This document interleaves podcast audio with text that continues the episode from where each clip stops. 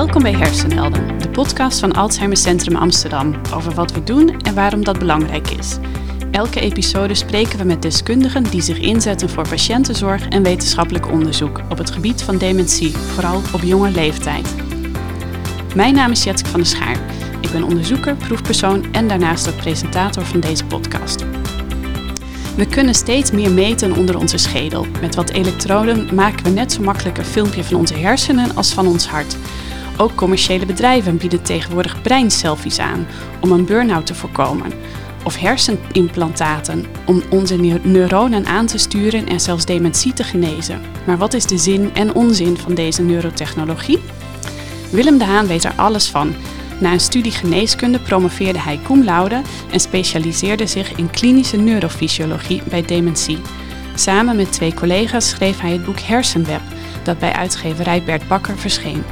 Als neuroloog en senior onderzoeker in Alzheimer Centrum Amsterdam verdiept hij zich verder in de hersenactiviteit van mensen met en zonder geheugenklachten. Hij wil niet alleen afwijkende signalen detecteren, maar ook herstellen, om zo ons denkvermogen te optimaliseren. Willem, welkom in de show. Dankjewel, heel leuk om hier te zijn. Onze podcast gaat over dementie en het verlies van ons vermogen om te denken. Uh, maar in de eerste tien afleveringen sprak ik met allerlei gasten over allerlei aspecten. Maar de meest essentiële vraag heb ik eigenlijk nog aan niemand gesteld. En dat is, wat is eigenlijk denken? Ja, nou dat is ook wel een hele, hele eigenlijk een korte, maar een hele ingewikkelde vraag. Uh, waar je ook heel, uh, ja, denk verschillende manieren antwoord op kan gaan proberen te geven. Dus uh, je kan heel filosofisch over worden. Maar ja, ik kom inderdaad, mijn achtergrondstuk inderdaad neurofysiologie. Dus ik probeer een heel, denk ik, ja, mechanische antwoord op te geven. Hè. Wat weten we van hersenactiviteit? En ehm, ja, wat gebeurt er met je hersencellen op het moment dat je aan het denken bent? Nou, ik denk het korte en eerlijke antwoord is dat we dat nog niet precies weten. Maar we weten inmiddels wel heel veel over wat die hersencellen aan het doen zijn. Uh, hè, we weten dat er eigenlijk continu, dus vooral de neuronen, uh, dat die aan het vuren zijn. Ook als je niks bijzonders aan het doen bent, maar dat die gewoon continu activiteit laten zien. En dat dat in verschillende gebieden uh, wat van elkaar verschilt. En uh, we weten dat ze die signalen aan elkaar door kunnen geven. En het idee is dat eigenlijk um, ja, verschillende hersengebieden zijn min of meer gespecialiseerd in een bepaalde functie. Maar juist voor, die, voor de cognitieve vermogens die we hebben, dus voor geheugen en taal en zo, weten we dat daar echt vaak meerdere gebieden bij nodig zijn. En dat je dus dat, dat je heel erg afhankelijk bent van goede communicatie tussen verschillende hersengebieden. En nou, inmiddels begrijpen we ook wel dat. Hoe, communiceren die gebieden dan met elkaar? Nou, waarschijnlijk doordat hersencellen hun activiteit op elkaar kunnen afstemmen, dus een soort van synchroniseren. En um, nou, dat, dat wordt op, op een soort van basale schaal, bijvoorbeeld in, in dieren kan dat uh, worden bekeken. En we proberen dat ook op grotere schaal bij mensen ook op, op een patiëntvriendelijke manier natuurlijk uh, ook, ook te meten. Nou, dat, daar zijn hele grote uitdagingen bij. Maar um, ja, we begrijpen dus steeds beter eigenlijk wat voor hersenactiviteit ja, het, het, denken representeert. Maar we begrijpen nog niet goed genoeg hoe wordt precies uh, je kan niet een gedachte uitlezen, zou ik maar zeggen. En, en hoe precies uh, alles gecoördineerd wordt en wat de principes daarachter zijn, ja, daar, daar zijn we nog volop uh, mee bezig. Ja. Jij houdt je bezig met klinische neurofysiologie. Wat is dat? Nou ja, dus neurofysiologie gaat vooral over de, de functie van, het, van het hersenweefsel, van de neuronen eigenlijk, en, en de, de fysiologie, dus, dus de werking en activiteit zou je kunnen zeggen. En dat kun je heel fundamenteel onderzoeken. Eh, dus dat is dan meestal dierexperimenteel onderzoek, waarbij je echt naar afzonderlijke cellen gaat kijken en, en uh, met ja, elektroden echt in de hersenen dingen gaat meten. Uh, nou ja, klinisch in dit geval wil zeggen is dat het vooral ja, in het ziekenhuis is, dus met patiënten en vaak met als doel natuurlijk om voor diagnostiek uh, dus dus het, opsporen van ziekte of misschien ook het, het, volgen van ziekte of van therapie of soms het, misschien het verbeteren. Uh, dus ja, ziekenhuizen hebben vaak een afdeling klinische neurofysiologie, dus daar wordt hersenactiviteit eigenlijk gemeten uh, in het kader van verschillende ziekten, om, om ja, in het kader van de gezondheidszorg. Ja, zou je dan kunnen zeggen um, dat jij je bezighoudt met niet zozeer met de hardware van onze hersenen, maar meer de, de, de software? Ja, ja, ik vind dat zelf een, een, een, een prettige vergelijking. Uh, sowieso een beetje de vergelijking tussen onze hersenen en computers maak ik zelf ook best wel vaak. er zit ook wel weer gevaar aan, omdat hersenen en computers ook wel weer in sommige opzichten heel anders zijn. Maar ik vind het een voor dus de activiteit vergelijken met software vind ik een mooie vergelijking. en dan ja, dus de, meer de echte weefselschade en de structuur is dan meer de, hardware, zeg maar. Ja precies. En hoe meet je dan die hersenactiviteit? Ja, nou, dus dat kan. Um, en dan, ja, wij zijn vooral gespecialiseerd in dat van de buitenkant uh, meten met, met EEG of MEG. En dat uh, zijn afkortingen voor uh, ja, elektroencefalogram. lang woord, maar wat eigenlijk betekent dus het, het beschrijven van hersenactiviteit. van de elektrische activiteit. Hè, want als hersencellen actief zijn, dan, genereren ze eigenlijk daaromheen een soort ja, elektromagnetisch veld. Dat is heel klein, maar met gevoelige apparatuur kun je dat dus uh, aan de buitenkant meten. En um, ja, de, de meer geavanceerde nieuwe, het broertje daarvan is dan de MEG, uh, magnetoencefalografie. Dus die meet dan vooral het magnetische gedeelte van het elektromagnetische veld. En dat heeft bepaalde technische voordelen. Eigenlijk dat je nog preciezer kan meten. En um, nou ja, ik, ik kan wat zeggen over de, beetje hoe de EEG, hoe dat uh, ja, hoe, hoe, hoe, ziet dat eruit? Als je, als je een EEG, hoe moeten we dat voor ons zien? Ja, nou het zijn, uh, uh, voor een EEG krijg je meestal een aantal, meestal een twintigtal plakkers op je hoofd, de elektroden. En die worden, die gaan dus niet in je huid, maar dat zijn gewoon plakkers die met wat gel ertussen op je huid worden geplakt. En die dus ehm, ja, van buitenaf in verschillende gebieden dus die hersenactiviteit kunnen opvangen, verschillende ritmes. Uh, en uh, ja, bij de MEG is het iets anders. Daar ga je eigenlijk met je hoofd onder een soort van grote kap. In een, in een afgesloten ruimte ook.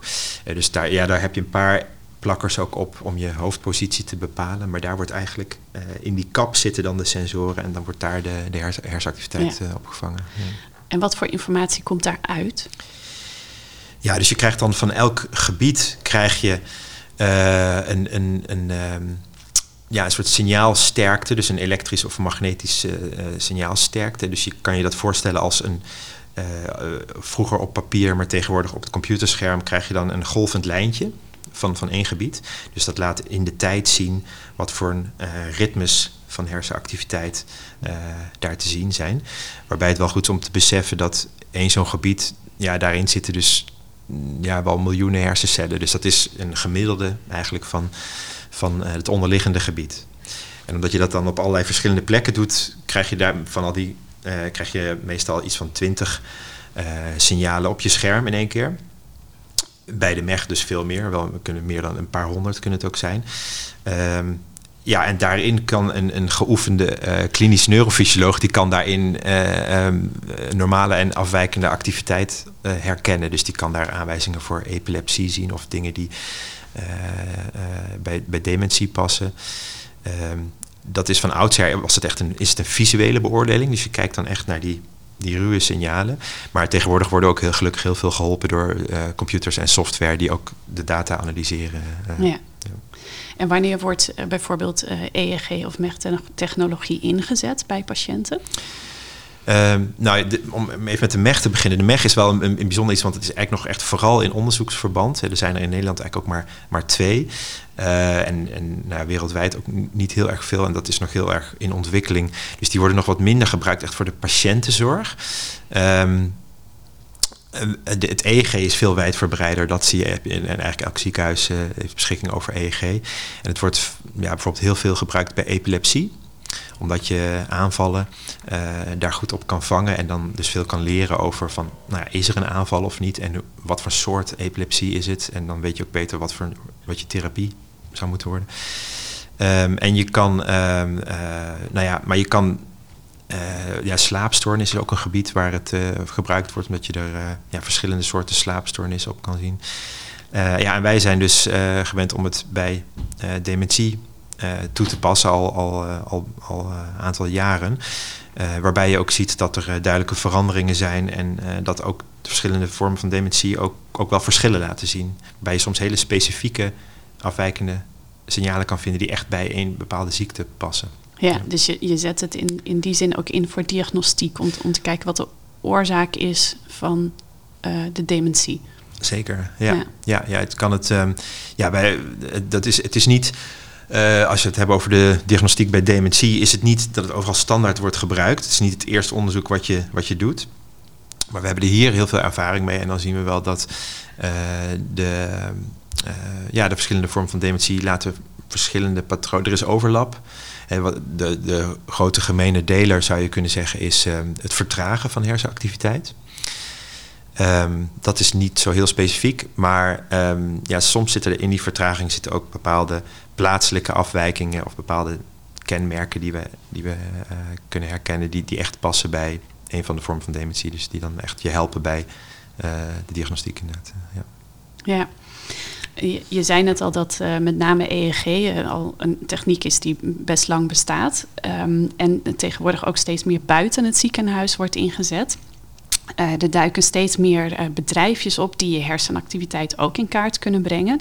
Uh, met een paar elektroden op je voorhoofd maken ze dan een selfie van je brein. waarbij je dan van alles kan meten, zoals je fysieke en mentale fitheid, je slaapkwaliteit, je zelfbeeld, overtuigingen, je prikkelgevoeligheid en je doorzettingsvermogen. Althans, dat wordt dan beweerd. Um, en de uitkomsten daarvan zouden dan kunnen helpen bij persoonlijke ontwikkeling, het voorkomen van een burn-out of het detecteren van autisme of depressiviteit. Als jij zoiets hoort, wat denk je dan? Ja, ja, ja dat is um, dat denk ik het eerste wat in me op is dat gaat wel heel ver. Um, ik denk dat hersenactiviteit is uh, ontzettend uh, ingewikkeld en lastig te begrijpen. En ja, we zijn nu ruim 100 jaar bestaat de, techniek, hè, het EEG. En in die tijd is er al wel heel veel geleerd en zien we ook dat er bij bepaalde ziekten bepaalde afwijkingen ontstaan. Maar we zijn nog niet op het punt dat we uh, dingen zoals persoonlijkheid uh, kunnen, wat mij betreft, kunnen aflezen. Uh, dus ik denk toch wel vaak dat helaas dat, dat veel ja, bedrijven die dat aanbieden, dat die, dat die wel heel ver gaan ja, of, wel heel rooskleurig zijn in wat er kan met die techniek. Uh, en dat het toch vaak niet heel sterk berust op, op degelijk wetenschappelijke uh, ondergrond. Zeg maar. Ja, ja. ja. maar deze partijen beweren wel dat het dan om een bewezen methode gaat, gebaseerd op, nou in dit geval dan tien jaar onderzoek en ervaring dat klinkt wel betrouwbaar. Waar ja. is deze onderbouwing dan op gebaseerd? Waar, waar zit dat in? Nou ja, de, de gevallen die ik heb gezien, hè, um, dan, soms is het heel lastig om, om bij um, een bedrijf dat zoiets aanbiedt, om daar überhaupt achter te komen waar ze zich wetenschappelijk op baseren. Soms, soms kun je wel, ook soms met navraag kun je toch wel iets meer te weten komen of welke literatuur wordt dan aangehaald. Um, en dan, uh, ja, dan zie je vaak wel dat de kwaliteit van die van, de, van, die, van het onderzoek uh, erg wisselend is.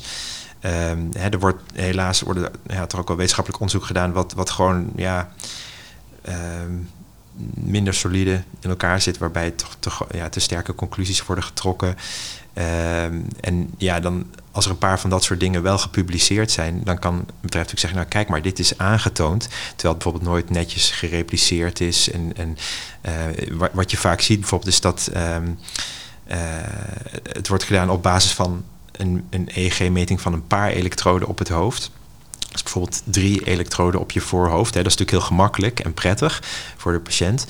Um, maar ja, wij weten uit de praktijk ook dat je uh, vaak echt wel nou ja, die, die standaard 20 elektroden bij een EEG verspreid over je hele uh, schedel, zeg maar, dat je die eigenlijk nodig hebt om goed te kunnen kijken, zit ik nou naar echte hersenactiviteit te kijken of zit ik naar storing te kijken en om het signaal goed te begrijpen.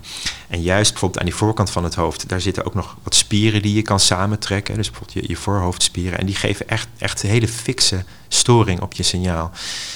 Um, dus je signaal kan er echt onbruikbaarder worden. Gewoon dus um, ja, als je een onderzoek leest waarbij je zegt, nou we hebben dus drie elektroden op het voorhoofd gebruikt, dan begin ik al word ik al heel sceptisch. Ja, ja. en, en ja, als er dan heel vergaande conclusies worden getrokken, hè, dus we, ja, we begrijpen min of meer wat bepaalde hersenritmes, uh, wat die betekenen of waar die mee te maken hebben, maar echt niet uh, uh, verschillen in persoonlijkheid of, of, of doorzettingsvermogen of dat soort. Nee. dus ja, kijk, ik, ik ehm, je zou kunnen zeggen, nou ja, er lijkt wat in te zitten. Het is niet heel belastend voor de patiënt en het, is, het biedt een soort van hoop. Hè, waarom hè, dat niet proberen als er geen realistisch alternatief is bij een bepaalde hersenziekte. Ehm, maar ja, ik vind dat toch wel, als je ook ziet wat voor, uh, ja, hoe commercieel die bedrijven zijn en wat voor bedragen daarmee verdiend worden op basis van ja, niet hele solide, ja. vind daar heb ik daar wel heel grote moeite mee. Ja, ja. toch als je dan kijkt naar uh, de, ja, de ervaringen van mensen die dat dan hebben geprobeerd, dan, dan lees je toch in recensies dat er wordt uh, gezegd dat het fenomenaal is, een levensveranderende ervaring uh, die een eye-opener kan zijn. Klanten schrijven ook dat ze ongelooflijk veel inzichten hebben gekregen om om te gaan met nou, de bevindingen dan. Dat men eeuwig dankbaar is en het iedereen aanraadt. Hoe verklaar jij dan dat soort lovende uh, recensies? Ja, ja, ja goede vraag. Nou, ik, ik ben ook altijd wel een beetje sceptisch, moet ik zeggen, over die recensies die bovenaan staan op, op allerlei vlakken. uh, ook bij restaurants en hotels. Maar, maar ik, um, kijk, ik denk wel dat. Um, uh, vanuit van dit soort technieken kan denk ik ook best een sterk uh, placebo-effect uh, uitgaan. En naast dat er misschien ergens ook wel een, een, een, een, een echt effect in zit.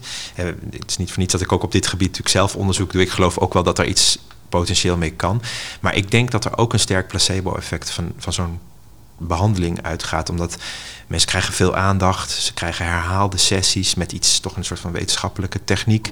Het wordt ook vaak nog gecombineerd met wel iets van cognitieve therapie. Dus het is een heel pakket. Uh, ja, mensen voelen zich dan toch, uh, uh, nou ja, als je, als je dan voor zo'n redelijk intensieve therapie komt, dan, dan word je goed begeleid, zou ik zeggen. En ik denk dat dat, dat is voor mensen, maakt dat het een hele positieve ervaring kan zijn. Ja, is het dan vergelijkbaar met als je bijvoorbeeld een horoscoop leest in een weekblad, dat het ook zo algemeen is dat iedereen wel denkt: ah oh ja, maar daar herken ik wel iets in? Ja, het kon zou, weliswaar zijn. Ja, ja zo, Zou je het, zo zou je het kunnen zien. Ja. Met, met daarnaast de hoop die mensen hebben dat het. En, en, en um, ja, ja, en, en uh, het zou kunnen. Ja. ja. En zou je dan kunnen zeggen: baat het niet, dan schaadt het ook niet?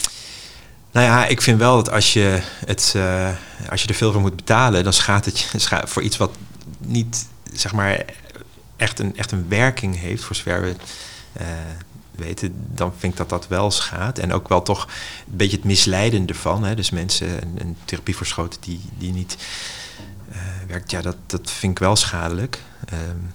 Hoewel het misschien mensen niet direct op dat moment niet direct hun gezondheid schaadt op zich is het natuurlijk niet uitgesloten dat als je hersenactiviteit een beetje aan het bijsturen bent, dat je wel, van deze technieken zijn, zijn weinig, uh, uh, nagenoeg geen bijwerkingen. Hè, wat mensen soms melden is dat je het licht, dan heb ik het over oppervlakkige hersenstimulatie, bijvoorbeeld dat je licht tintelen of prikkelen voelt.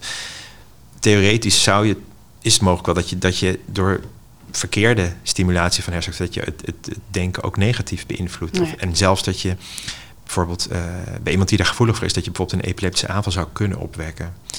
Dus dat, dat ja, de kansen klein zijn, maar uh, ja, het is niet, daarom ook niet 100% baat het niet, dan schaadt het ook nee. niet. Uh, nee.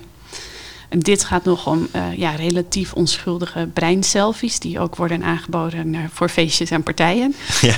Um, kun je je verloofde even door de scanner halen voordat je het ja-woord zegt. Um, maar in Europa is ook een behandeling voor dementie in opkomst, uh, met hoge kosten en ook weinig bewijs. Het gaat dan om transcraniale pulsstimulatie. die wordt aangeboden voor verschillende aandoeningen, waaronder ook Alzheimer, Parkinson, depressie, afasie en hersenschade. En deze techniek zou de hersenen stimuleren, uh, neuronen herstellen en uh, ja, ook de cognitieve achteruitgang permanent een halt toeroepen. Uh, laten we beginnen bij het moeilijke woord, transcraniale pulsstimulatie. Wat is dat? Ja, dus transcranieel, cranium is eigenlijk het hoofd, hè, dus en trans over, dus dat is eigenlijk een term voor technieken die dus van buitenaf je hersenactiviteit proberen te beïnvloeden. Ja, dus waar zo'n, zo'n, uh, met die elektroden, zo'n breinselfie wordt eigenlijk de hersenactiviteit uitgelezen. En ja. nu wordt het beïnvloed. Wordt er iets beïnvloed, ja. ja. En dat kan ja. je doen met een elektrische puls of met een magnetische puls. Uh, en dit is een beetje in tegenstelling tot technieken waarbij je echt de hersenen ingaat om te stimuleren, zoals deep brain stimulation. Dus dit is natuurlijk veel minder invasief, is patiëntvriendelijker. Um, ja, en dan kun je dus met verschillende pulsen of signalen doen. Uh, en ja, wat dat betreft is er inderdaad een heel, heel breed arsenaal. Of ja, er zijn allerlei verschillende mogelijkheden. Van waar ga je uh, stimuleren? Ga je stimuleren of ga je meer proberen af te remmen? Uh, ga je één harde puls geven of hele serie pulsen? Of ga je meer een soort hele zwakke gelijkstroom, een soort zwak elektrisch veld? Dus er zijn heel veel mogelijkheden. En de, ja, de hamvraag is daar denk ik, ja, wat is, de, wat is de, voor die conditie de beste manier om, om, om een verbetering ja. te krijgen? En ik moet zeggen, ik ben zelf iets minder bekend met, met de, met de puls stimulation. Ik, ja, ik was wel wel van gehoord. Um, en het lastige is een beetje dat naast dat het uh, al wordt aangeboden, dus de, waar we het net over hadden door commerciële bedrijven, is dat er ook wel echt degelijk wetenschappelijk onderzoek gebeurt naar dit soort nieuwe technieken. Waarbij je over de afgelopen jaren, denk ik, uh, kan zeggen dat er interessante resultaten naar voren komen. Het zijn nog zeker geen compleet uitgekristalliseerde technieken, maar wel uh, hier en daar echt, echt wel belovende onderzoeken die ook goed in elkaar zitten. Dus nou ja, dat maakt ons, uh, wij zijn daar ook mee bezig, dus dat stemt ons ook, ook hoopvol.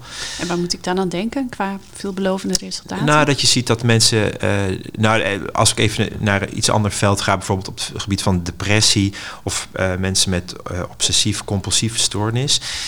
Dus dwanghandelingen, dwanggedachten. Dat, uh, bijvoorbeeld daar heb je de, de, de, transcraniële magnetische stimulatie, of TMS.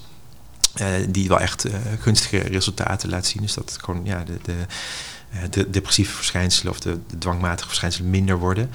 Dat effect kan wel soms tijdelijk zijn, maar dan, hè, dus dat het ook weer herhaald moet worden. Zo. Maar uh, nou ja, en op, op iets, iets dichter bij ons gebied, dementie, uh, zijn er ook wel studies die een, uh, naar dat soort transcraniële stimulatie, dus effecten laten zien op het geheugen.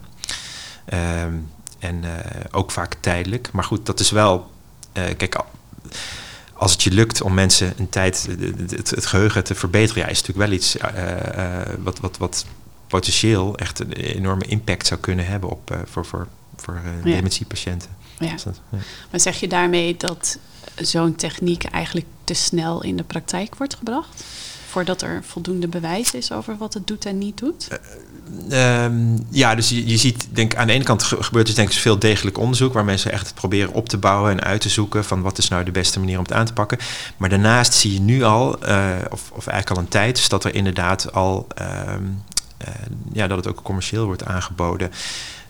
Um, vaak op minder goede basis. Dus dat is wel, ja, dat is eigenlijk jammer. Dat, ja. is, dat, is, dat, dat loopt een beetje vooruit op de echte, uh, het echte, ons begrip van wat we eigenlijk aan het uh, doen zijn. Ja. Dus dat, ja. Uh, Zo'n behandeling kost in dit geval duizenden euro's die uit eigen zak moeten worden betaald. Denk je dat er misbruik wordt gemaakt van patiënten en hun hoop dat het misschien toch iets doet? Ja, ik, ik, wat dat betreft heb ik wel een interessante anekdote. Uh, um, dus dat het niet alleen patiënten, maar dat er zelfs ook um, mensen die eigenlijk zichzelf nog helemaal geen zorgen maakten, dat die eigenlijk ook misschien wel, zou je kunnen zeggen, actief worden geronseld voor dit, uh, voor dit soort therapie. Omdat ik een patiënt had die. Um, die ook dus bij een van die bedrijven voor een ja, een beetje alternatieve behandeling ja, dus, dus geregeld kwam.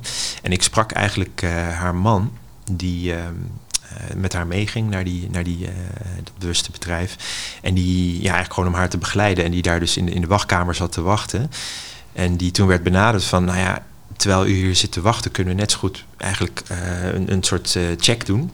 Waarbij we u gewoon een paar elektroden op het hoofd zetten en dan meten we een aantal dingen door. Eigenlijk meerdere organen, niet alleen hersenactiviteit, maar ook dingen als long- en leverfunctie konden worden gemeten. En, Met een elektrode op het voorhoofd. Nou ja, dat, ik weet niet de hele gedetailleerde setup, maar, maar dat was zoals hij het ja. vertelde. En waarbij hij achteraf een rapport kreeg van nou, dit is uw, uh, uw conditie op dit moment. En we zien er toch wel aanwijzingen voor een beginnende, misschien een beginnende vorm van dementie. Dus het lijkt ons wel een goed idee om, om daar een uh, aantal sessies van onze hersenstimulatie uh, voor te, uit voorzorg voor te in te zetten.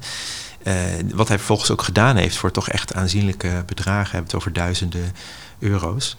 Um, en hij vertelde het aan mij ook een beetje, nou ja, hij zei, ja, ik schaam er een klein beetje voor dit. Maar ja, goed, ik, op dat moment dacht ik, nou ja, uh, uh, um, laten we het maar doen, het kan, het kan weinig kwaad. En ja, dit was dus iemand die zichzelf daarvoor helemaal niet zorgen maakte over zijn eigen cognitieve functioneren. Dus dat, dat, uh, ja, dat nee, gebeurt. Het is, niet dat hij met een vraag daar naartoe ging en zei laat me onderzoeken, maar hij werd eigenlijk gewoon uit de wachtkamer geplukt. Ja, ja. ja. ja. En dan zeg je dan tegen zo iemand, nou laten we even kijken of er echt iets aan de hand is? Of? Nou ja, ik, ja, kijk, het is, het is lastig om het meteen. Um, mijn eerste interne reacties van, oh wat, wat erg, dit, dit is echt, uh, nou ja, kwakzalverij. Hè? En hier is iemand eigenlijk opgelicht. Um, ja, om meteen het helemaal met de grond gelijk te maken bij iemand, dat vind ik ook, is natuurlijk ook lastig. Ik heb toch wel geprobeerd een beetje duidelijk te maken dat ik zeg, nou ja, dat, dat het, we zien dat, dat dit wordt aangeboden, maar dat vaak toch de, de werking nog, nog onduidelijk is, niet echt bewezen en dat dat nog uh, best uh, lastig is. En ik denk dat dit was ook een, in dit geval een, denk een, iemand die verder eigenlijk redelijk goed op de hoogte was en die ook, ook wel enigszins door had dat het wel heel experimenteel of, nog niet heel gangbare therapie was. Um, en uh, ja. Het zijn niet per se allemaal naïeve mensen die daarvoor vallen. Nee. Als ik jou zo hoor, was nee. dit een man die ehm, ook wel een beetje in de gaten had dat het niet helemaal waterdicht was. Ja, ja ik denk toch dat als je ergens komt bij een, een bij een plek waar, waar, waar uh, therapie wordt aangeboden, er wordt apparatuur gebruikt, er zijn experts aanwezig, zou ik zeggen. Uh, je, ze, laten een me, ze doen metingen, ze laten een rapport zien. Hè. Ze zeggen, nou, het is allemaal subtiel, uh, maar we denken dat het goed is om... Ja, dat, dat kan best wel heel overtuigend werken. Ook voor, dat, dat zou uh, bij mij op, denk op ander vlak ook nog wel... Ja. Dus, dus ik, ja, ik kan me voorstellen dat het best moeilijk is om daar dan iets tegen in te brengen. Of, ja, ja, je gaat dan ook niet zeggen, kom eens met je wetenschappelijke artikelen waarin dit is aangetoond. Ja. Nee, dat zullen de meeste mensen niet, uh, nee. niet doen. Nee. nee. Terwijl bij die man, waar dus die zelf helemaal geen klachten of, of, of zorgen had, ja. tegen hem wordt dan wel gezegd dat er signalen van beginnende dementie zijn. Dat, dat is ook nogal wat om zomaar tegen iemand te zeggen. Ja, ja en ik weet dus niet of dat, uh, dat zij op hun manier iets hebben opgepikt waarvoor ze dachten, hé, hey, dit vinden wij afwijkend. Dus dat zij ook echt oprecht dachten van, dit, dit vinden wij afwijkend. Of dat dat gewoon, um, ja, een, een soort gefingeerd rapport is waar dat dan uitkomt, zodat er een therapie geboden kan worden. Ja, dat, dat weet ik niet precies, maar goed, um, ja. ja. Ja, wel zorgelijk. Zeker. ja. ja als luisteraars nu zelf in aanraking komen met een nieuwe technologie, um, hoe kunnen ze dan achterhalen of zoiets potentie heeft, of in ieder geval een geïnformeerde beslissing nemen om, om dat wel of niet te doen? Heb jij tips voor hen? Ja, nou, ik, ik zou denk ik toch um, het um, uh, proberen te bespreken met uh, arts, uh, huisarts of met een specialist op, op een bepaald gebied. Hè. Uh, die zijn als het goed is goed op de hoogte in ieder geval van wat de reguliere aangetoond effectieve behandelingen zijn. En natuurlijk zijn er nieuwe ontwikkelingen waar nog niet iedereen meteen van op de hoogte is. Maar zij kunnen wel bijvoorbeeld, uh, ja, zij zijn ook opgeleid om te kijken naar uh, welke bronnen laten zien dat dit effectief is. Hè? Hoe kun je uitzoeken of iets, of, of is er degelijk onderzoek voor? Ja, daar, daar zijn medici in principe in getraind. Dus die zouden dan ook kunnen kijken, of ja, kunnen helpen om te kijken van is dit echt uh, zinvol of niet. Dus dat zou toch mijn advies zijn om dan toch. Uh, het zelf gaan rondkijken op internet is. Uh, er is natuurlijk ontzettend veel te vinden, maar daarvan is niet altijd helemaal meteen duidelijk wat de bronnen zijn. Zeker als je zelf niet een beetje wetenschappelijke achtergrond hebt. Dus dat is wel vaak moeilijk. En daar kun je heel veel, ja, heel veel uh, informatie vinden, maar ook heel veel, denk ik wel, mis, potentieel misleidende ja. informatie. Dus ik zou dan toch een, een, proberen een, een, advies van een uh, expert in te winnen. Ja. ja. En stel nou dat iemand geronseld is voor discutabele praktijken en achteraf denkt, ja, ik heb veel geld betaald en, en zoveel bewijs is er niet. Kan die dan ergens terecht? Kun je, kun je ergens een claim indienen? Of hoe, hoe werkt zoiets? Ja, dat is een goede vraag. Dat, dat weet ik eerlijk gezegd niet goed hoe goed dat... Uh, um, beschermd is, of je dat kan. Uh, ik denk wel dat je zodra je uh, besluit om therapie te ondergaan, moet je waarschijnlijk wel iets en ook uh, moet je, zul je dingen moeten ondertekenen. Ja. Zeg van nou bepaalde aansprakelijkheid. Of, dus ik, ik vraag me af, ik denk dat die bedrijf zich ook wel wat dat betreft juridisch probeert in te dekken. Dus ik vraag me af of je daar dan verder nog heel ehm, veel kans maakt om daar achteraf dan weer bezwaar tegen aan te tekenen. Ja. ik, weet, ik, ik, weet, durf dat niet precies te zeggen. Nee. nee. Maar in ieder geval vooraf goed opletten. Ja, ja, ja. Je noemde net al nieuwe ontwikkelingen. Uh, ook Elon Musk uh, ziet kansen in uh, neurotechnologie. In 2016 startte hij het bedrijf Neuralink met de ambitie om beschadigde hersencellen te vervangen door chips. En inmiddels heeft hij al een video naar buiten gebracht waarop hij een aap met een hersenimplantaat een videospelletje laat spelen door signalen naar het brein van die aap te sturen. Andersom wil hij bijvoorbeeld ook iemand met een dwarslesie weer in staat stellen om een smartphone te bedienen met zijn gedachten sneller dan wij kunnen met onze duim. Um, of zelfs neurologische aandoeningen genezen, waaronder uh, ook de ziekte van Alzheimer. Maar zover is het nog niet. Uh, dit is een initiatief waar neurowetenschappers aan verbonden zijn. Uh, deze chips zijn ook gebaseerd op technologie die aan de universiteit ontwikkeld is. Hoe zou dit moeten werken? Ja, het, het, zijn ontzettend ambitieuze projecten, maar um, ja, wel zo groots aangepakt. En ik denk ook wel in, uh, dat er ook wel gewoon degelijk wordt gekeken naar de techniek en het onderzoek. En, um, maar um, ja, als, ik heb enigszins gehoord van wat, wat inderdaad de ambities zijn of de doelen. Hè. Dus inderdaad uh, dat je ook uh, mensen meer rechtstreeks van gedachten zou kunnen laten wisselen. zonder dat ze dat verbaal hoeven te doen. Maar de veel ja, hogere bandbreedte, gewoon rechtstreeks gedachten. Ja, dat zijn wel ja, nog hele, denk dat is wel echt nog in de categorie science fiction. Ja. Um, kijk, al, er is al best lang is er een uh, tak van onderzoek gegaan, dus brain-computer interfaces, hè, waarbij wordt geprobeerd her, hersenactiviteit uh, uit te lezen en dat om te zetten in bijvoorbeeld beweging. Voor bijvoorbeeld verlamde mensen. En, en, en uh, tot op zekere hoogte zijn daar echt al wel bruikbare toepassingen.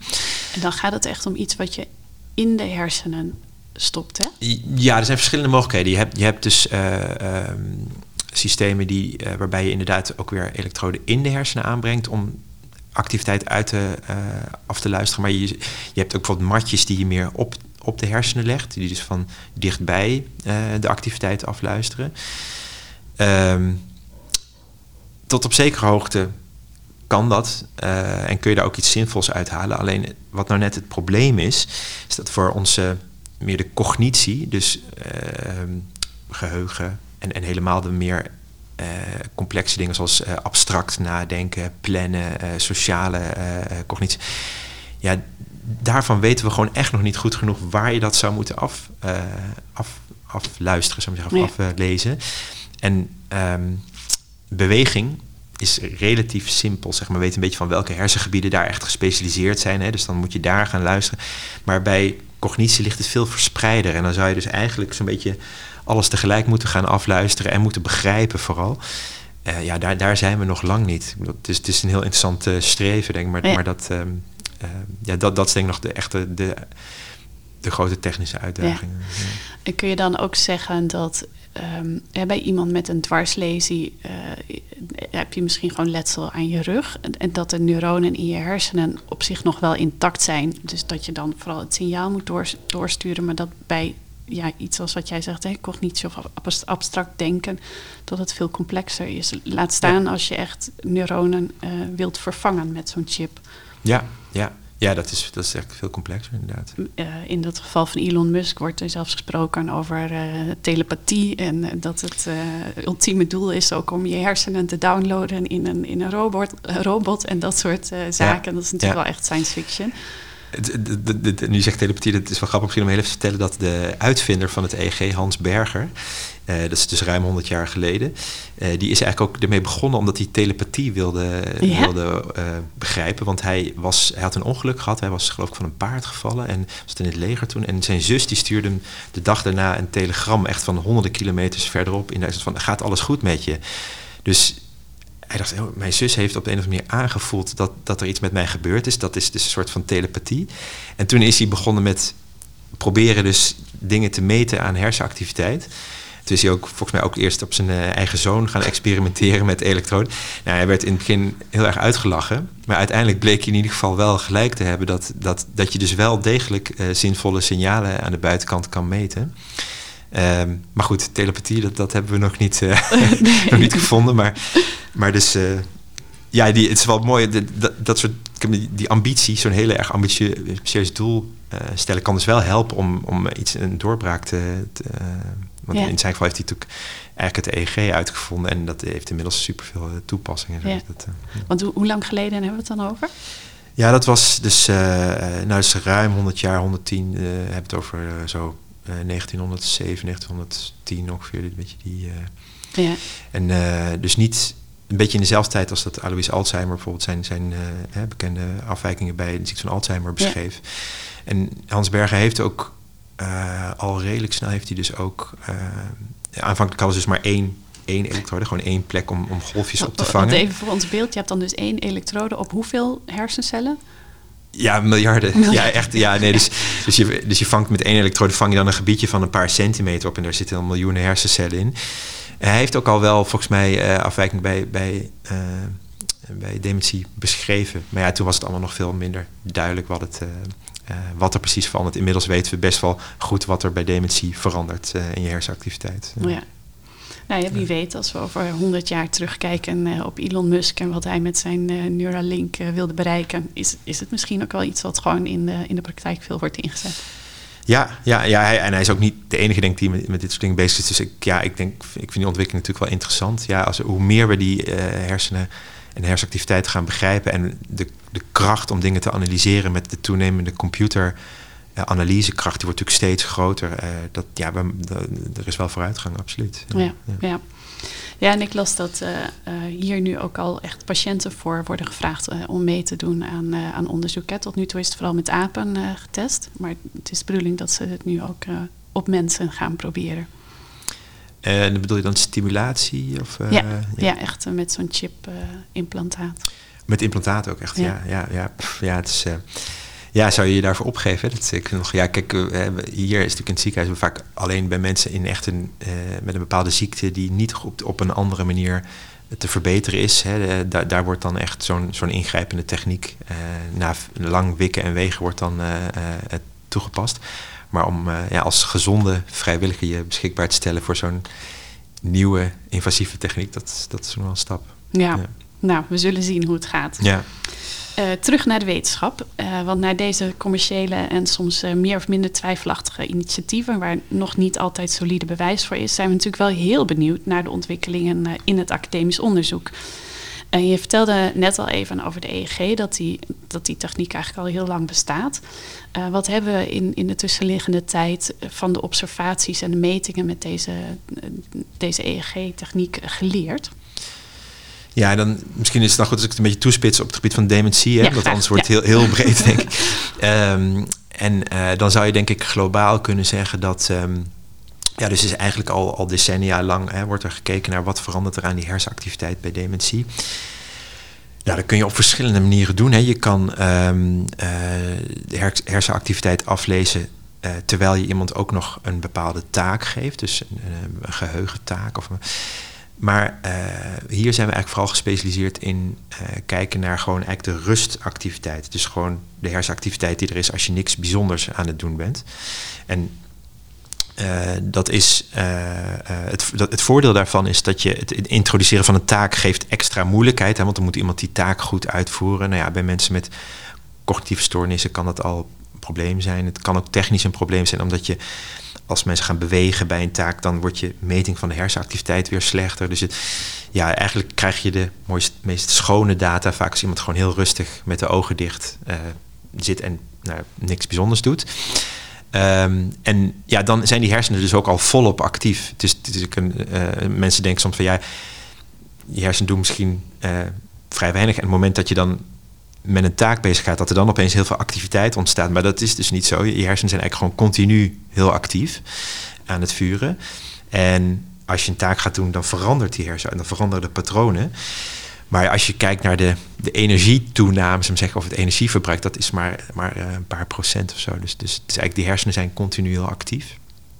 En um, ja, daar zit een bepaalde patroon in.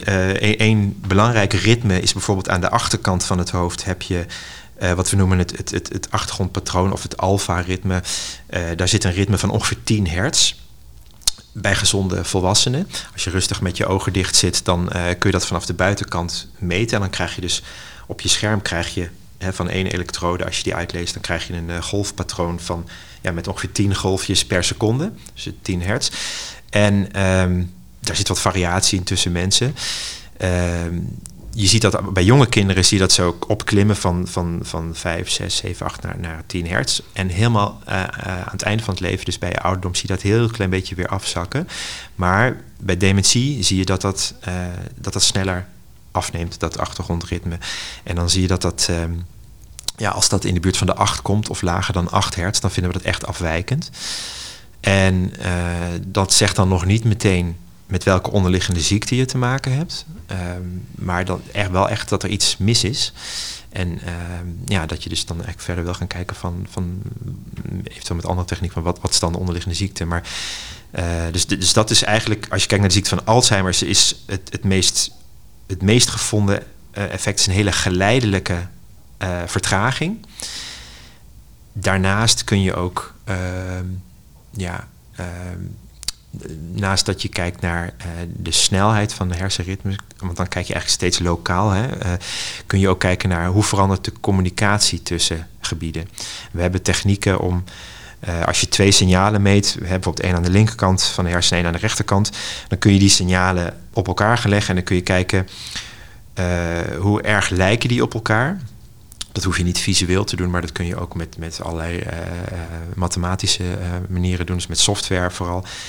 En als signalen dan heel erg op elkaar lijken, uh, dan kun je uh, daaruit concluderen dat ze met elkaar aan het communiceren zijn. Dat er een soort van uitwisseling is.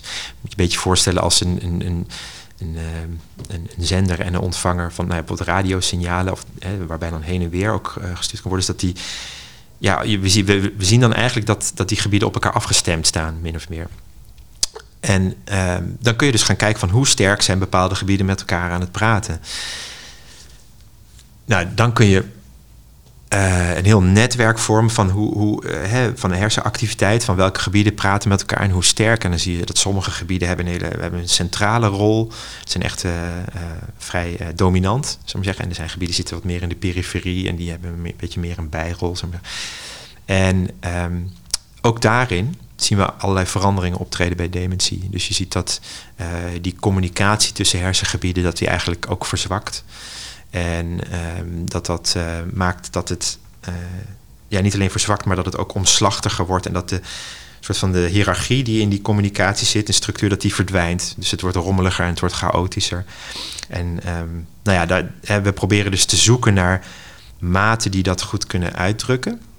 En die je dan ook echt zou kunnen gebruiken als een meer specifieke maat voor bijvoorbeeld ziekte van Alzheimer. Dat je kan zeggen van nou, als dit op die plek bijvoorbeeld uh, op die manier die activiteit verandert, nou, dat is echt bewijzend voor de ziekte. Ja, daar, daar zijn we nu nog niet. Maar we hebben wel maten die, die het heel waarschijnlijk, ja, heel waarschijnlijk maken. Ja, dit gaat vooral over uh, ja, het observeren. Ja. Uh, in ons voorgesprek vertelde je ook dat jullie veel werken met computermodellen om het eigenlijk te simuleren. Ja, ook nog. Ja, ja. ja, betekent dat dat je dan de hersenen namaakt? Moet ik dat zo zien? Ja, het is eigenlijk een soort van uh, computerprogramma waar van, ja, dus een, een simulatie van hersenactiviteit. En dat is natuurlijk een simplificatie van de werkelijkheid. Um, maar dat is niet iets heel nieuws. Het zijn al wel modellen die al ook al decennia uh, bestaan. Hè, en die dus. Uh, ja, wij maken gebruik van een type modellen wat dan neural mass models wordt genoemd. Dus die simuleren eigenlijk hersenactiviteit in een klein gebiedje. En dat kunnen ze best realistisch. Dat je, als je dat model aanzet, krijg je ook echt uh, zo'n golfpatroon. Eigenlijk een, hersenpatroon wat je ook dus in, bij, bij, mensen meet. Um, en wat je kan doen is je kan die aan elkaar koppelen. Dus je kan een heel netwerk maken van die modellen. En dan heb je eigenlijk soort, en dat kun je koppelen zoals we ook weten dat bij mensen die hersengebieden min of meer aan elkaar gekoppeld uh, zijn. En dan heb je dus een heel ja, actief netwerk, wat, wat, je, wat je hersennetwerk nabootst. Um, en uh, daar kun je dan van alles mee doen. Daar kun je, uh, dat kun je naast je echte data leggen. Dus je kan kijken, nou we zien bij patiënten zien we het vertragen en we zien het op andere manier veranderen, kunnen we dat in het model nabootsen. En het voordeel van zo'n model is dat je aan de knoppen kan draaien. Dus, uh, en, ze gaan, en het model gaat helemaal terug naar ook uh, eigenschappen van neuronen. Dus je kan dan bijvoorbeeld kijken, nou het vertraagt, maar dat komt doordat uh, bepaalde type neuronen meer prikkelbaar of minder prikkelbaar worden. En dat zegt ons dan ook weer iets over wat er op, op de microscopische, op, op de cel, op celniveau zou kunnen gebeuren. Ja. En dat, is, dat is een voorspelling. En die kun je dan weer toetsen aan bijvoorbeeld muizenonderzoek, waarbij ze echt op celniveau kunnen kijken. Dus dan kun je eigenlijk aan twee kanten, aan, aan, met, met data van uh, Alzheimer muismodellen bijvoorbeeld, en aan de andere kant op grote schaal, naast menselijke data, kun je kun je, je model uh, toetsen. En je kan het gebruiken om dus inderdaad de veranderingen die je ziet bij patiënten te begrijpen, om daar principes in te vinden. Um, maar omgekeerd kun je ook bijvoorbeeld als je schade en, en veranderingen ziet, kun je je model uh, dingen stoppen bij wijze van een soort van virtuele therapie. Waarbij je zegt, nou als ik het model, als ik cellen in deze regio bijvoorbeeld wat stimuleer of wat afrem, zie ik dan de, de, de totale hersenactiviteit weer in het netwerk weer verbeteren. En op die manier misschien proberen een voorspelling te maken van wat zou je nou met stimulatietherapie, waar zou je moeten gaan ingrijpen en hoe sterk. En dus eigenlijk ja, een voorspelling doen voor de therapie ja. vanuit je computerprogramma. Zeg maar. Dus ja. dat zijn mogelijkheden. Kun je dan daarmee ook deels proefdier, proefdieronderzoek vervangen? Ja, ik denk op den duur wel. Ja, kijk, bedoel, het is natuurlijk. Um, uh, zoals ik zei, een model is een simplificatie van de werkelijkheid. Maar vaak is een simplificatie ook juist goed, omdat hersenactiviteit zo complex dat je moet het ergens simplificeren om, om dingen te kunnen begrijpen. En echte metingen blijven voorlopig denk ik nog wel heel belangrijk. Um, maar als we uh, bijvoorbeeld heel goed vanuit muizen uh, of van dier-experimenteel onderzoek weten hoe die neuronen zich anders gaan gedragen en we kunnen dat vertalen in het model, dan zou je op, ja, op een gegeven moment kunnen zeggen, nou dan, als we dat eenmaal goed in dat model hebben zitten, dan gaan we dat, uh, dan gaan we daar heel erg mee, mee, bezig en dat naast de mensendata leggen en dan hoeven we eigenlijk minder ja. veel minder echt rechtstreeks met, met, met de, nog gebruik te maken van de muizen, ja. van de dierproeven. Ja, dat, dat zou een ontwikkeling kunnen zijn. Ja. ja. En jouw eigen onderzoek, waar waar hou jij je mee bezig? Ja, ik met, met verschillende dingen. Dus uh, zowel met het, het meten van, dat is eigenlijk wat we het langste doen, is het meten van hersenactiviteit bij patiënten en dat proberen te begrijpen van wat zijn de veranderingen en hoe kunnen we maten vinden die dat zo goed mogelijk uh, vaststellen voor de diagnose. Maar de laatste jaren zijn we zeker meer verschoven naar dus het simuleren van die hersenactiviteit in die modellen, ook om het te begrijpen. En vanuit daar eigenlijk ook zijn we gegaan naar dus hoe zou je het weer kunnen terugdraaien, hoe zou je het kunnen verbeteren. Um, en ook om, het, ook om dus die mensendata proberen naast de, de muizendata te leggen. Dus die schalen die nogal uit elkaar liggen van enkele cellen versus miljoenen cellen. Kun je dat met zo'n model, kun je, kun je een brug slaan tussen die uh, verschillen in data. Um, en um, ja, de laatste tijd houden we ons ook bezig met uh, ja, dus echt voorspellingen doen voor hersenstimulatietherapie en dat ook echt gaan doen. Dus we gaan Bij echt, mensen. Ja, dus we gaan echt naar. En wij maken dan gebruik van die um, niet-invasieve stimulatie. Dus ook weer ja, ook transcranieel. Dus ook dus uh, eigenlijk een zwakke elektrische stimulatie van buitenaf. Uh, die, uh, het is eigenlijk een beetje alsof je een soort batterij uh, op, op je hoofd zet. ik heb het zelf ook een aantal keren inmiddels als proefpersoon ondergaan. En dat is heel, ja, daar merk je dus eigenlijk niks van. behalve heel, een soort van heel licht tintelen. Maar wat het doet is dat het het, het onderliggende gebied, ja, dat er een heel licht elektromagnetisch veld zeg maar, wordt aangelegd. Wat dus die cellen in dat gebied niet platlegt of, of, of uh, meteen aanzet tot vuren, maar het maakt ze iets meer of minder waarschijnlijk om te gaan vuren. Dus je verandert hun neiging om te gaan vuren een klein beetje. En um, ja, dat, die techniek wordt dan eh, DCS of Direct Current Stimulation genoemd. Waarbij het natuurlijk ook, ook nog steeds helemaal de vraag is: waar zou je nou moeten gaan stimuleren en, en hoe sterk en hoe lang? En nou ja, wat wij proberen te doen is, omdat we al inmiddels veel kennis hebben over uh, de veranderingen bij dementie en die computermodellen, proberen we dat allemaal bij elkaar te stoppen. En dus die modellen te gebruiken om, om systematischer te voorspellen van, nou, eh, dus niet, niet alleen maar trial en error van, nou we gaan gewoon daar uh, rechts stimuleren of links stimuleren. Uh, en dan kijken of iemand verbetert of niet. Maar we proberen echt met die computermodellen te beredeneren meer van, nou dit is zinvol. daar zien we de hersenactiviteit op een goede manier veranderen. Als je het simuleert, dan gaan we daar ook de echte experimenten eh, op baseren. Dat, dat, is, dat is waar het project over gaat. Ja. Zoek je nog proefpersonen? Ja, ja? ja mag altijd. Ja, nee, we gaan, als het goed is gaan we komend jaar echt met uh, dus mensen met... Um, bij uh, mensen met, met de beginnende ziekte van Alzheimer uh, voor het, het onderzoek inzetten. Omdat we daar, ja, daar zijn dan duidelijke veranderingen meetbaar natuurlijk. En dan willen we kijken of we. Kijk, het is leuk als je in zo'n computermodel de boel weer kan verbeteren en kan oplossen. Maar um, we gaan dan kijken of we dat ook echt in, in, in, uh, in hun uh, situatie ook kunnen doen. Maar dan hebben we het wel over korte termijn veranderingen. Dus ja. nog zeker niet lange termijn verbetering. Maar we willen eerst kijken, lukt het op de korte termijn om hun hersenactiviteit op een gunstige manier bij te sturen. En dat doen we door tijdens de stimulatie ook meteen weer te meten wat we doen. En dat is nog een vrij unieke opzet. Dat is nog niet, nog niet veel gedaan. Oh ja. Waar denk je dat we over, uh, een, nou pak een beet, uh, 25 jaar zijn? Oeh. Ja, dat is altijd lastig uh, zo ver uit te kijken. Maar um, ja, als je kijkt naar um, de afgelopen 10, 20 jaar, is dat de opkomst van nou dingen zoals die MEG, waardoor we die hersenactiviteit eigenlijk veel nauwkeuriger, nauwkeuriger kunnen gaan meten en ook dieper gelegen gebieden en nieuwe theoretische mogelijkheden om, om hersenactiviteit te begrijpen. Dus die hele netwerkanalyse, dus die communicatie tussen gebieden. Ja, dat, dat is nu echt, uh, uh, nou ja, zou ik zeggen, exponentieel aan het toenemen. en nou ja, de, de computer, computerkracht die toeneemt.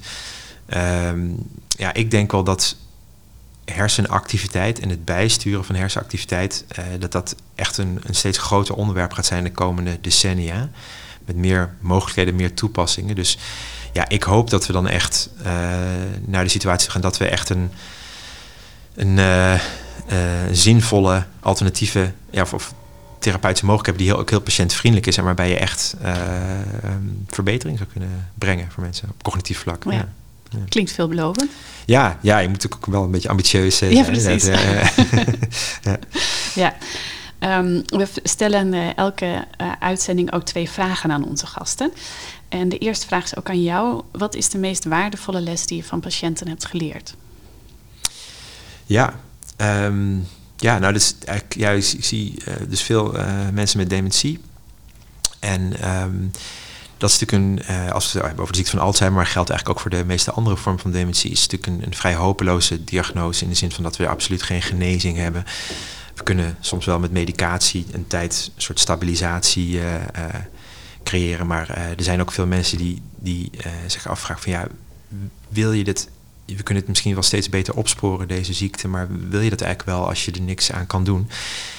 En ik denk dat mijn antwoord, of ons antwoord is absoluut ja. Omdat ik echt zie, dat, dat is dan wat ik denk heb geleerd, is dat het voor mensen hoewel het een slechte boodschap is, dat het toch vaak, gek genoeg, ook een beetje een soort opluchting is. Dat, dus er is al langere tijd gaan er dingen mis. Ze zien dat, dat dingen niet meer lukken. Ze moeten stoppen met, met hun werk of, of bepaalde bezigheden. En uh, duidelijkheid over wat er aan de hand is.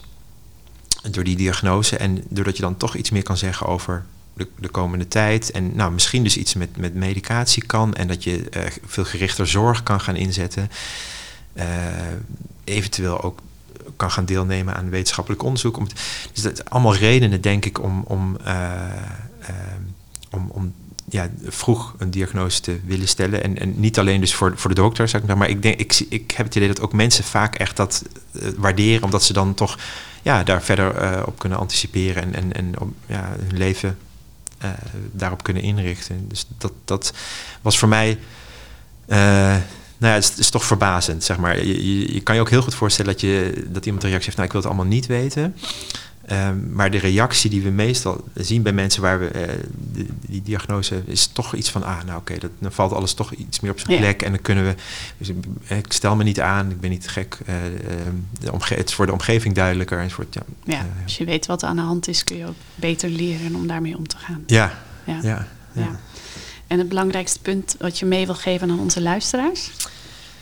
Um, ja, nou is misschien toch weer een beetje terugkomend op, op waar we het net over hadden, is dat um, als je kijkt naar het onderzoek bij dementie en op bijvoorbeeld de ziekte van Alzheimer, dat er gaat natuurlijk en terecht ook heel veel aandacht uit naar echt weefselschade. Hè? Dus de, de eiwitten die neerslaan en de hersencellen die kapot gaan. En um, uh, uh, nou, genetisch onderzoek en, uh, en, andere verschijnselen die in in de ontstekingsverschijnselen, al, van alle dingen die echt in het weefsel gebeuren. Um, maar ik denk dat het goed is om te beseffen dat hersenactiviteit wel echt een soort cruciale link is tussen hersenschade en hoe we ja, onze denkvermogens. Dus nou, misschien weer terugkomen op die, jouw vergelijking met de computer de hardwareonderzoek is heel belangrijk en je hebt goede hardware nodig om goed te kunnen denken. Maar als je geen goede software hebt, dan gaat het ook sowieso mis. Dus ja, die hersenactiviteit uh, bestuderen en, en, beter begrijpen, uh, ja, is wat mij betreft uh, super belangrijk. En ik denk echt dat dat wat trager op gang is gekomen, omdat het ook nog ingewikkelder is dan, dan hersenscans, hè, dus de, structuur bekijken. Um, omdat het zo dynamisch is en uh, nou ja, complexe data. Maar dat we er steeds meer grip op krijgen en, en dat, um, uh, dat dat ook denk ik dus een grotere rol gaat spelen bij diagnostiek en, en behandeling. Nou ja. We leggen in deze podcast elke episode ook een alternatieve theorie, aanpak of behandeling aan onze gasten voor. En voor jou heb ik de stelling: met EEG of MEG-scans kun je hersenactiviteit meten, maar je kunt niet wezenlijks veranderen. Dus dementie verhelp je er niet mee waar of niet waar? Ja, nee, nou zeker. Dus EEG en, en MEG zijn, zijn inderdaad technieken om hersenactiviteit te meten. Uh, dus daar zul je niet, uh, daarmee kun je het beter begrijpen en daar kun je wel aanknopingspunten vinden, misschien voor een betere therapie. Maar die technieken zelf zullen niet direct je, uh, daar kun je niet de situatie mee verbeteren. maar ik denk dus wel dus dat het, het beïnvloeden van hersenactiviteit door een van die stimulatietechnieken waar we het over hadden, kijk, daarvan wordt ook vaak gedacht, hè, ook, ook door, uh, door wetenschappers.